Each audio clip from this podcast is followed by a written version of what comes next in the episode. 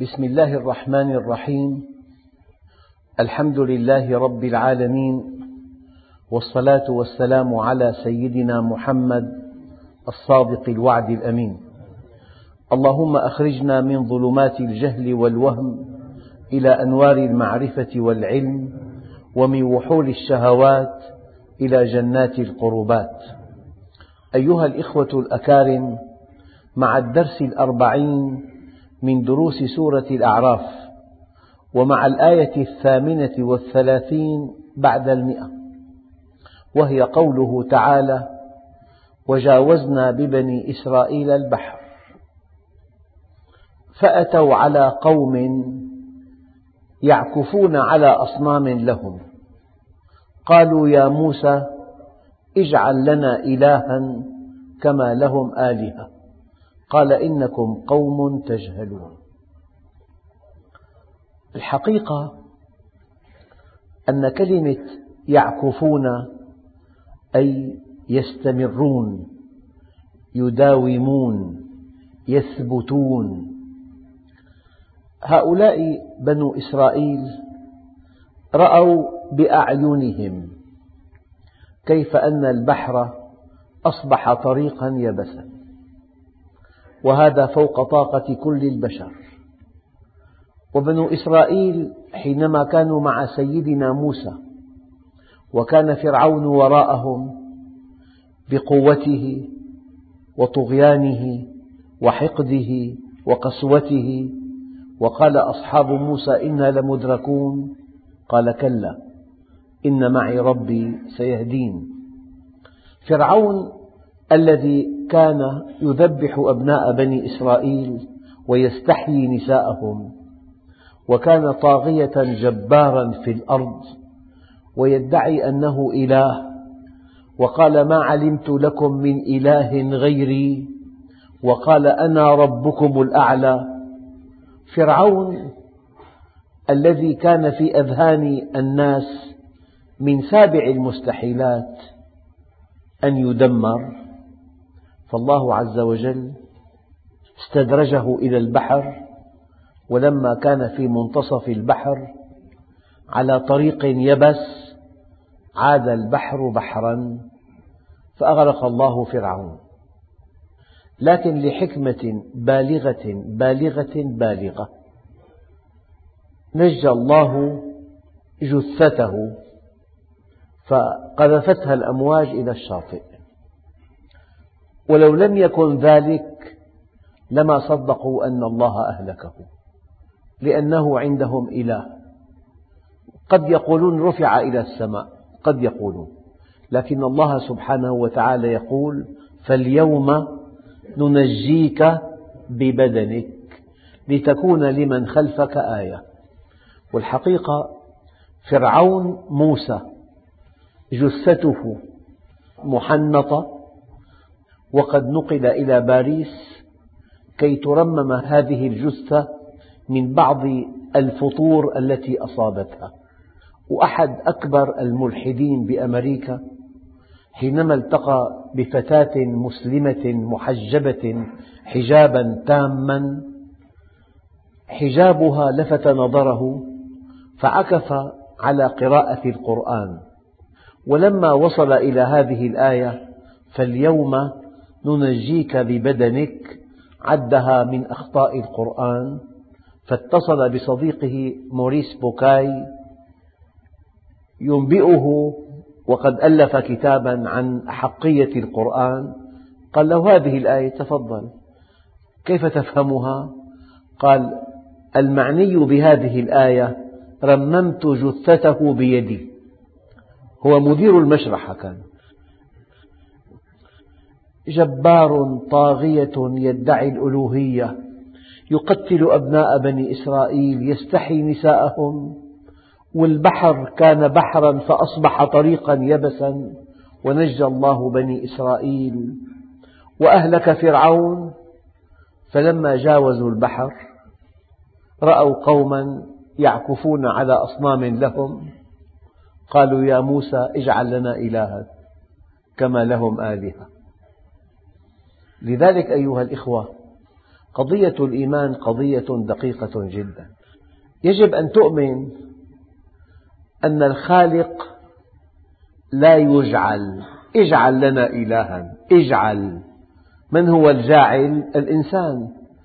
ما عرفوا من هو الله؟ الله يجعل ولا يجعل. الله يخلق ولا يخلق. الله فوق كل الخلق. فلما قالوا هذا الكلام صعق سيدنا موسى. اجعل لنا إلها كما لهم آلهة. الإله الذي نجاكم من فرعون. الإله الذي قلب البحر طريقا يبسا. الإله الذي أنقذكم. الإله الذي خلصكم. الإله الذي أكرمكم. الإله الذي نجاكم. تبحثون عن إله آخر؟ طبعا تطبيقات هذه الآية في حياتنا. يعني إنسان يكون ابنه على خطر الموت يأخذه لطبيب فإذا شفي على يد هذا الطبيب ينسى أن الله هو الذي شفاه ويعزو شفاءه للطبيب. الطبيب إنسان. إن الطبيب له علم يدل به. إن كان للناس في الآجال تأخير حتى إذا ما انتهت أيام رحلته حار الطبيب وخانته العقاقير. ضعف التوحيد وراء هذه الكلمة. اجعل لنا إلها كما لهم آلهة. هل تعرف من هو الله؟ معقول قطعة من الحجر. تصنعها أنت. تنحت الرأس. ترى الأنف طويلا تقصره. ترى الرأس كبيرا تصغره. هذا إله تنحته بيدك بل إن بعض القبائل كان ربها من التمر فلما جاعت أكلته. بعض الوثنيين إلهه الصنم جاء ثعلب وبال على رأسه. فكر. قال أرب يبول الثعلبان برأسه لقد ضل من بالت عليه الثعالب. أخواننا الكرام في بآسيا معابد كبيرة جدا ما الإله الذي يعبدونه من دون الله؟ الجرذ في اليابان ماذا يعبدون؟ ذكر الرجل. في الهند ماذا يعبدون؟ البقر. أيها الإخوة الكرام أشكر الله عز وجل على أنه حررنا من هذه الأكاذيب. هناك من يعبد ذكر الرجل هناك من يعبد الجرذ هناك من يعبد الحجر هناك من يعبد النار هناك من يعبد موج البحر. ونحن المسلمين شرفنا الله بأن نعبد الإله العظيم. خالق السماوات والأرض. يا موسى اجعل لنا إلها كما لهم آلهة. قد ترون هذا شنيعا ولكن أي إنسان يعلق أمله بإنسان قوي؟ يطيعه ويعصي الله. لا يختلف كثيرا عن بني إسرائيل. أي إنسان لا يرى أن الله بيده كل شيء. لا يرى أن, أن الله هو الفعال. فعال لما يريد. في السماء إله وفي الأرض إله. ما لكم من دونه من ولي. ولا يشرك في حكمه أحدا له الخلق والأمر. الله خالق كل شيء. وهو على كل شيء وكيل. وما تسقط من ورقة إلا يعلمها. هذا هو التوحيد. الإنسان من ضعف توحيده يعلق الأمل بغير الله. ولا تستغربوا هذه الآية أنهم قالوا اجعل لنا إلها كما لهم آلهة. وآلاف المسلمين ومئات ألوف المسلمين قال الله عنهم وما يؤمن أكثرهم بالله إلا وهم مشركون. الذي يخاف إنسانا ويعصي خالقا مشرك. الذي يغش المسلمين. ماذا رأى؟ أن المبلغ الكبير الذي سيحصله من غشهم أكبر عنده من الله. الذي يطيع مخلوقا ويعصي خالقه. مشرك. أيها الإخوة الشرك الجلي في المسلمين قليل. يعني ما في مسلم يقول الجبل إله. ما هذا لا يوجد. لكن الذي يضع كل ثقته بإنسان وينسى الواحد الديان. الذي يخاف من إنسان ويعصي الله. يعني قصة في بلد إسلامي آخر. في تشدد في شدة على أهل الدين. موظف كبير صام رمضان أول يوم بصوم بحياته. ما كان يصوم رمضان. فالتقى مع مديره في الشركة أو في الوزارة. قال له صائم؟ قال له لا ما صائم. فجاءوا له بضيافة فأفطر. خاف أن يرى من فوقه أنه صائم. هو يعبد هذا الإنسان من دون الله. وما يؤمن أكثرهم بالله إلا وهم مشركون. لمجرد أن ترى أن القوة بيد غير الله. ما لم ترى أن الله وحده هو الرافع وهو الخافض وهو المعطي وهو المانع وهو المعز وهو المذل. وهو الذي يرزق وهو الذي يقنن هذا هو التوحيد. وما تعلمت العبيد أفضل من التوحيد. أيها الإخوة لو وقفنا وقفة متأنية عند هذه الظاهرة ما العلم؟ العلم بتعريف موجز الوصف المطابق للواقع. المقياس هو الواقع الوصف المطابق للواقع. للتوضيح تألق المصباح في لوحة البيانات في السيارة. تألق المصباح الأحمر في لوحة البيانات.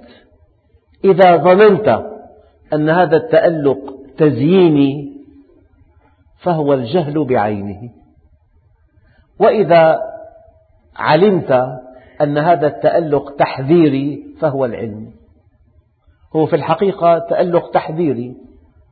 نسبة الزيت قلت في المحرك. فلئلا يحترق المحرك.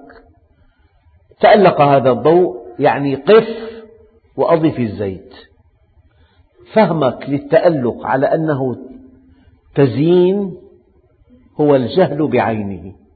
وفهمك للتألق على أنه تحذير هو العلم بعينه.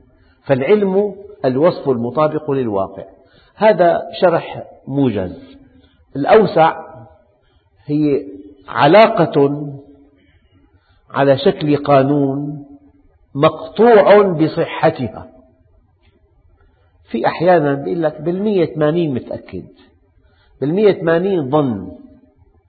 بالمية خمسين شك. بالمية ثلاثين وهم.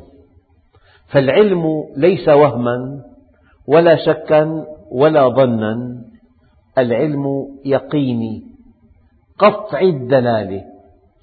فالمقولة العلمية على شكل قانون المقولة على شكل قانون الشيء الأول أنها مقطوع بصحتها والشيء الثاني تطابق الواقع والشيء الثالث عليها دليل.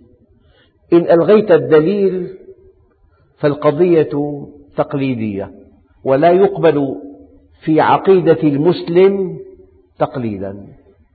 لا يقبل في عقيدة المسلم اعتقاد تقليدي.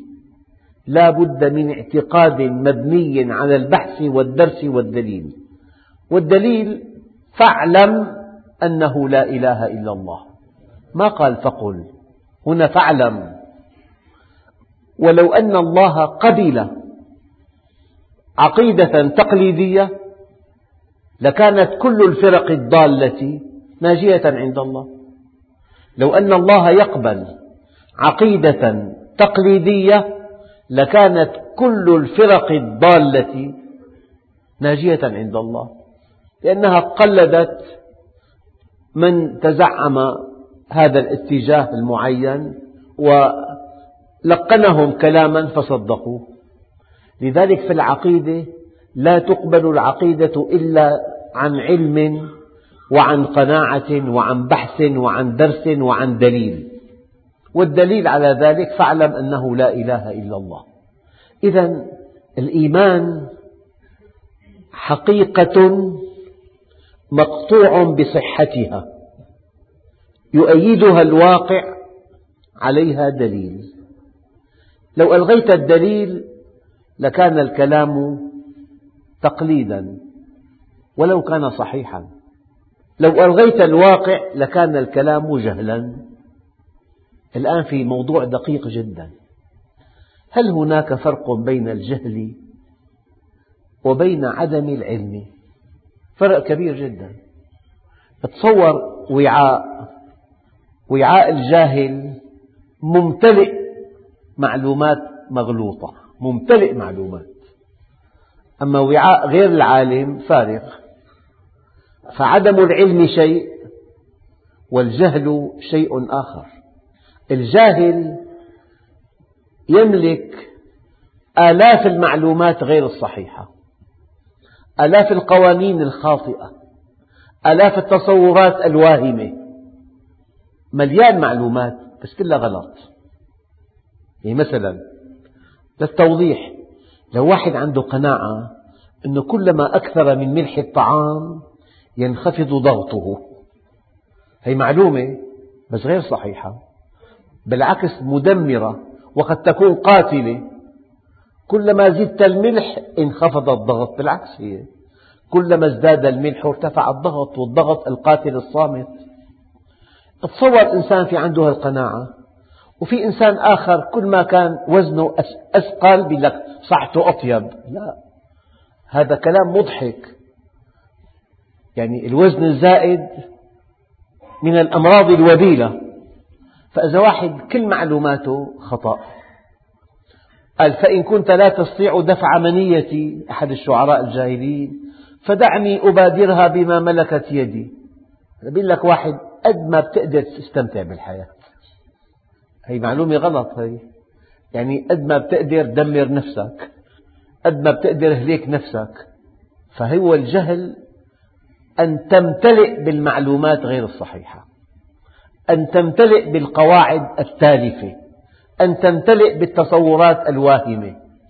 هذا جاهل اسمه. يعني واحد بظن أنه كلما كسب مالا غير مشروع يعد شاطرا. والجاهل الثاني بيقول لك دبر حاله. والله طلع رجال الاثنين أجهل من بعضهم. كلمة جاهل يعني بيتكلم معه شهادات عليا أحيانا. بيتفلسف عشر ساعات بيلقي عليك محاضرة باللغة الفصحى هو جاهل. معنى جاهل يعني معلوماته غلط تصوراته غلط. معنى جاهل متصور أنه هي الدنيا كل شيء. يقول لك الغني هو بالجنة عايش. شو هي الجنة؟ أن تكون غنيا. هذا جهل. بالعالم الغربي عندهم مقولة might makes right يعني أنت قوي أنت على حق فقط. من هو صاحب الحق؟ القوي فقط. كما يفعلون. ما دام قوي افعل ما تشاء. دمر اقتل. أنت على حق لأنك قوي. هذه المقولة تنتهي إلى النار. إلى جهنم. في إله بحاسب. ولا تحسبن الله غافلا عما يعمل الظالمون. إذا توهمت أن الله غافل عما يعمل الظالمون هذا هو الجهل بعينه. وإذا علمت أن الله ليس بغافل وسوف يحاسب وسوف يعاقب فأنت العالم. أنا أقول لك كلام دقيق. احذروا الجهل. الجاهل معه دكتوراه أحيانا. الجاهل بأعلى مكان بيكون أحيانا. متكلم فصيح طليق اللسان له مؤلفات كثيرة. يعني ألف كتاب بلبنان أنه إله محمد قمعي. لأنه ما قبل معه إلها آخر. مو لا إله إلا الله. أما آلهة قريش كانوا ديمقراطيين. لأن كل إله قبل معه إلها آخر في اللات وفي العزى وفي كذا. في كتب كلها جهل. يعني الجهل متفشي. والجهلاء دكاترة. وأصحاب شهادات عليا. وتنظير مادي. والدنيا هي كل شيء. والقوي صاحب الحق. أما غير العالم إنسان إناء فارغ. لذلك أهون ألف مرة أن تقنع إنسان لا يعلم من أن تقنع إنسان جاهل يعني معه معلومات غلط. مشكلتك مع الإنسان الجاهل عندك مهمتين عندك مهمتان كبيرتان. الأولى أن تنزع من تصوره هذه المعلومة والثانية أن تعطيه البديل. مهمة مزدوجة أن تنتزع منه هذه المعلومة ثم أن تعطيه البديل. أما الغير المتعلم أو غير الجاهل أو غير العالم إناء فارغ. تجد أيام سهل جدا تقنع إنسان أجنبي بالإسلام عن أن تقنع واحد منافق بالإسلام الصحيح. أيها الإخوة الكرام الأمي أو غير المتعلم أو غير العالم إقناعه سهل بالدين. وعاء فارغ. عرفت هواها قبل أن أعرف الهوى فصادف قلبا فارغا فتمكن. أما اللي عنده معلومات غلط اللي عنده قناعة أنه افعل ما تشاء والنبي يشفع لك. مشكلة. يرتكب المعاصي وهو مطمئن شفاعتي لأهل الكبائر من أمتي. مرتاح. شيء مريح جدا. هذا جاهل جاهل يعني معه معلومات وحافظ أحاديث وآيات كثير. بدك ليش الربا حرام؟ اسمع الآية. لا تأكلوا الربا أضعافا مضاعفة. الله نهى عن الأضعاف المضاعفة فقط.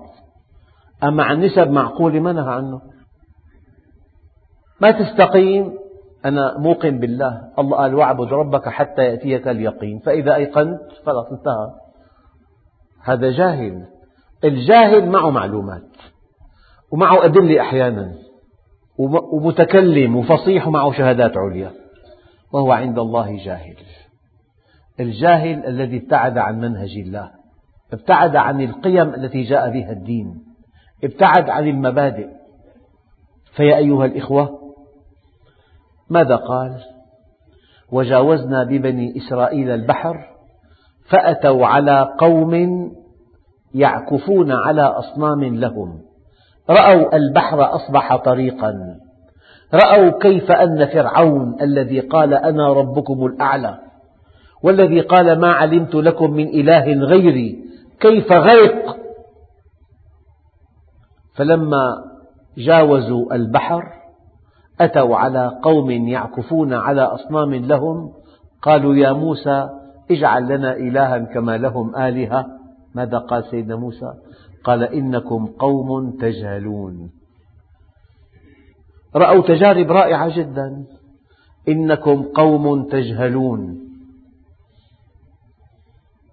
إن هؤلاء الذين يعكفون على أصنام لهم متبر ما هم فيه. يعني هالكون. أشقياء ابتعدوا عن منهج الله ابتعدوا عن تعليمات الصانع. ابتعدوا عن الخير ابتعدوا عن الآخرة خسروا الآخرة. قل إن الخاسرين الذين خسروا أنفسهم وأهليهم يوم القيامة. أخواننا الكرام الحق ثابت. معنى حق يعني مستقر. الحق لا يتعدد والحق ثابت. الله عز وجل قال يثبت الله الذين آمنوا بالقول الثابت في الحياة الدنيا. وفي الآخرة. القول الثابت القرآن الكريم لأنه كلام رب العالمين لأن هذا القرآن الكريم لا يأتيه الباطل من بين يديه ولا من خلفه. الحق ثابت ولا يتغير ولا يتبدل. يعني كم فرقة ضالة أتت في تاريخ المسلمين؟ أين هي الآن؟ تلاشت لأنها باطل. والإسلام بقرآنه وسنة نبيه هو الشامخ. هو كالطود. الحق ثابت والباطل زائل. إن الباطل كان زهوقا. والباطل الذي طرح شعار لا إله بقي سبعين عاما وكان من أقوى الكيانات في الأرض. يملك من القنابل النووية ما تدمر القارات الخمس. ومع ذلك لأنه كان باطلا كان زهوقا. إن الباطل كان زهوقا. هلأ أي طرح باطل أي فلسفة باطلة أي عقيدة باطلة أي قوة باطلة أي كيان باطل إلى زوال. إن الباطل كان زهوقا. ما الذي يبقى؟ هو الحق. هلأ نحن بالخمسينات كم مذهب وضعي انتشر؟ وذاع وتألق ثم تلاشى. ولم يبق إلا الدين. يعني في بعض البلاد الغربية يدخل في اليوم الواحد خمسون إنسان من أصل أوروبا. ببلد واحد يوميا بالإسلام. لأنه المذاهب الوضعية لم تحقق للإنسان كل حاجاته. حققت له حاجات الجسد. رفاه يفوق حد الخيال. مواصلات اتصالات مخترعات بيوت جميلة حدائق مركبات كل شيء في الدرجة الأولى. أما الإنسان هناك فراغ لا تملأه المادة يملأه الإيمان. لذلك العالم الغربي يدخل في الإسلام بشكل عجيب. في أمريكا في أستراليا في أوروبا. لأنه العالم المادي ما حقق للإنسان السلامة والسعادة. حقق له رفاه أيام الإنسان يضجر من هذه الأجهزة المرفهة والمركبات والطائرات. يريد أن يبكي. يريد أن يتصل بالله. يريد أن يطمئن إلى آخرته. يريد أن يستقر. إن الذين قالوا ربنا الله ثم استقاموا تتنزل عليهم الملائكة ألا تخافوا ولا تحزنوا وأبشروا بالجنة التي كنتم توعدون. نحن أولياؤكم في الحياة الدنيا وفي الآخرة ولكم فيها ما تشتهي أنفسكم ولكم فيها ما تدعون. نزلا من غفور رحيم. أيها الإخوة قال تعالى أنزل من السماء ماء فسالت أودية بقدرها فاحتمل السيل زبدا رابيا ومما يوقدون عليه في النار ابتغاء حلية أو متاع زبد مثله. كذلك يضرب الله الحق والباطل الآن دققوا. فأما الزبد فيذهب جفاء وأما ما ينفع الناس فيمكث في الأرض. يعني الآن الإسلام هو الدين الأول في العالم. مع أن حربا عالمية ثالثة معلنة عليه. ومع ذلك هو الدين الأول الذي ينمو. أيها الإخوة ماذا قال سيدنا موسى؟ قال إن هؤلاء متبر ما هم فيه هالكون وباطل ما كانوا يعملون. باطل يعني زائل أعمالهم إلى دمار حضارتهم إلى دمار قال أغير الله أبغيكم إلها؟ يعني معقول أن تتخذ إلها غير الله؟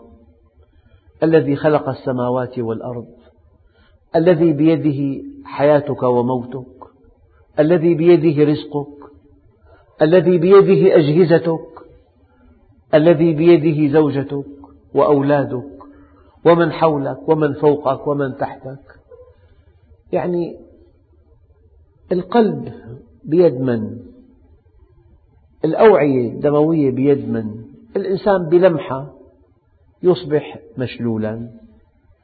خثرة دم لا ترى بالعين. تتجمد في أحد أوعية الدماغ. يفقد الإنسان حركته. أو يفقد بصره. أو يفقد سمعه. أو يفقد ذاكرته. ثانية من أنت؟ كل قيمتك وقدرتك وهيمنتك وشخصيتك منوطة بسيولة دمك منوطة بنمو خلاياك. فلذلك أيها الإخوة أنت في قبضة الله وجسمك بفضل الله يتمتع بالصحة الجيدة. كان عليه الصلاة والسلام إذا استيقظ من فراشه يقول الحمد لله الذي رد إلي روحي. وعافاني في بدني وأذن لي بذكره. قال أغير الله أبغيكم إلها؟ يعني معقول أن تعبد إنسانا من دون الله؟ معقول أن تعبد شخصا من دون الله؟ معقول أن تعبد المال؟ واحد. يعني قال مرة الدراهم مراهم. يقصد أنه بالمال تحل كل مشكلة. فالله عز وجل أدبه بمشكلة لا تحل بالمال. قال لي بقيت بالمنفردة 64 يوم. والمال لا يحل هذه المشكلة. الله كبير. أنت حينما تؤمن أصبحت قويا إن قوتك من قوة الله. أصبحت حكيما حكمتك من حكمة الله. أصبحت غنيا غناك من غنى الله عز وجل. قل أغير الله أبغيكم إلها وهو فضلكم على العالمين. يعني كأنهم نسوا ما فعل بهم فرعون. وإذ أنجيناكم من آل فرعون يسومونكم سوء العذاب. يقتلون أبناءكم ويستحيون نساءكم وفي ذلكم بلاء من ربكم عظيم. يعني الله عز وجل في بعض الآيات يقول وذكرهم بأيام الله. هذا درس بليغ وتوجيه حكيم. يعني ما في واحد من إخوتنا الكرام إلا له مع الله تجربة. مرة دعاه فاستجاب له. هيأ له زوجة صالحة. هيأ له عملا. نجح بشهادة. يتقن حرفة. الله عز وجل كان في أمامه شبح مرض الله أنقذه منه. فإذا أنقذك الله من شبح مرض أو هيأ لك وظيفة. تدر عليك دخلا يغطي حاجاتك. أو هيأ لك زوجة وأولادا. أو هيأ لك إيمانا هيأ لك مكان في مجلس علم. هذه نعم الله الكبرى. تذكرها؟ ذكرهم بأيام الله. لذلك وإذ أنجيناكم من آل فرعون يسومونكم سوء العذاب يقتلون أبناءكم ويستحيون نساءكم وفي ذلكم بلاء من ربكم عظيم. عود نفسك أن تتذكر أيام الله. عود نفسك أن تتذكر كيف أن الله سبحانه وتعالى أكرمك بوالديك أكرمك بصحة أكرمك بخلق تام. كان عليه الصلاة والسلام إذا وقف أمام المرآة يقول الحمد لله. يا رب كما حسنت خلقي فحسن خلقي. حواسك سليمة أعضاءك سليمة قوامك مقبول قوتك جيدة. لك سمعة طيبة. تربيت في بلد طيب. دلك على أهل الحق. هذه كلها أيام الله. أنا أستنبطها من هذه الآية. وإذ أنجيناكم من آل فرعون. يسومونكم سوء العذاب يقتلون أبناءكم ويستحيون نساءكم وفي ذلكم بلاء من ربكم عظيم. تذكر نعمة الله عليك. يعني الإنسان أحيانا يمر بإنسان مصاب. يعني في أمراض وبيلة. في مصائب لا تحتمل. في شيء فوق طاقة البشر. ربنا لا تحملنا ما لا طاقة لنا به. واعف عنا واغفر لنا وارحمنا.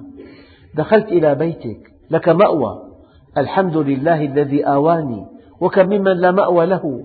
لك زوجة والزوجة نعمة كبيرة لا تكفر هذه النعمة أيتها المرأة لك زوج والزوج نعمة كبيرة لا تكفري هذه النعمة لك أولاد. يعني إنسان يكون معه ملايين مملينة ما عنده أولاد. إذا رأى طفلا صغيرا يموت من الألم. عندك أولاد. يملؤون البيت فرحة. اعتني بهم اشكر الله عليهم. إذا الله عز وجل منحك صحة منحك إيمان منحك سمعة طيبة منحك مأوى صغير منحك زوجة. إذا أصبح أحدكم آمنا في سربه معافى في جسمه عنده قوت يومه فكأنما حيزت له الدنيا بحذافيرها. أنا أحاول من خلال هذه الآيات أن أسقطها على واقعنا. يعني نحن نشكو أشياء كثيرة لكن هل ترى ماذا يحدث حولنا؟ من إراق الدماء يوميا مئة قتيل مئتين جريح يوميا ما في أمن إطلاقا. نعمة الأمن التي عندنا نعمة كبيرة جدا. نعمة وجود أسر سليمة معافاة. يعني في عندنا ميزات كبيرة جدا. في إنسان سبحان الله كما قال الله عز وجل ولا تجد أكثرهم شاكرين. يعني بأي مكان بالعالم ما في ماء إلا بالمال. عندك في الشام تفتح الصنبور تجي ماء بارد عذب زلال مجانا هي نعمة كبيرة نعمة الماء. نعمة أنت لك بيت لك مأوى لك زوجة لك أولاد لك عمل لك دخل. هذه نعم كبيرة. لذلك التوجيه النبوي انظر إلى من هو أدنى منك فذلك أحرى ألا تحتقر نعمة الله عليك. انظر إلى من هو أدنى منك. أما في شأن الدين إياك أن تنظر إلى من هو أدنى منك. في شأن الدين انظر إلى من هو فوقك في الإيمان. من أجل أن تتحمس من أجل أن يكون هذا النظر باعثا لك على مضاعفة الجهد. في شأن الدنيا انظر لمن هو أدنى منك. في شأن الآخرة انظر إلى من هو فوقك. آه، له كلمة سيدنا عمر من دخل على الأغنياء خرج من عندهم وهو على الله ساخط. يكون ساكن ببيت دافئ بالشتاء بارد في الصيف مساحته معقولة عنده غرفة نوم غرفة جلوس عنده مطبخ عنده زوجة عنده أولاد. تفوت لبيت 450 متر. التحف بالملايين الأجهزة خمس ست مركبات. بلاقي ما عنده شيء هون. من دخل على الأغنياء خرج من عندهم وهو على الله ساخط. فأنت عاشر من هو أدنى منك. تجد نفسك بنعم كبيرة والحياة مؤقتة. يعني ما في إنسان بيموت يأخذ معه شيئا. أحيانا واحد بحكم علاقاته الاجتماعية بيعزي إنسان ساكن ببيت غالي كثير أنا أفكر في هذا البيت. من يختار هذا الأساس؟ المرحوم. من يختار هذا الجبصين المرحوم. من يختار هذا البلاط الرخامي؟ المرحوم. من يختار هذه التزيينات؟ المرحوم. وين المرحوم؟ بالقبر المرحوم. يعني البطولة أن تؤمن بالآخرة أن تنقل اهتماماتك إلى الآخرة. أيها الإخوة آيات اليوم وجاوزنا ببني إسرائيل البحر فأتوا على قوم يعكفون على أصنام لهم قالوا يا موسى اجعل لنا إلها كما لهم آلهة. قال إنكم قوم تجهلون إن هؤلاء متبر ما هم فيه وباطل ما كانوا يعملون. قال أغير الله أبغيكم إلها وهو فضلكم على العالمين وإذ أنجيناكم من آل فرعون يسومونكم سوء العذاب يقتلون أبناءكم ويستحيون نساءكم وفي ذلكم بلاء من ربكم عظيم والحمد لله رب العالمين.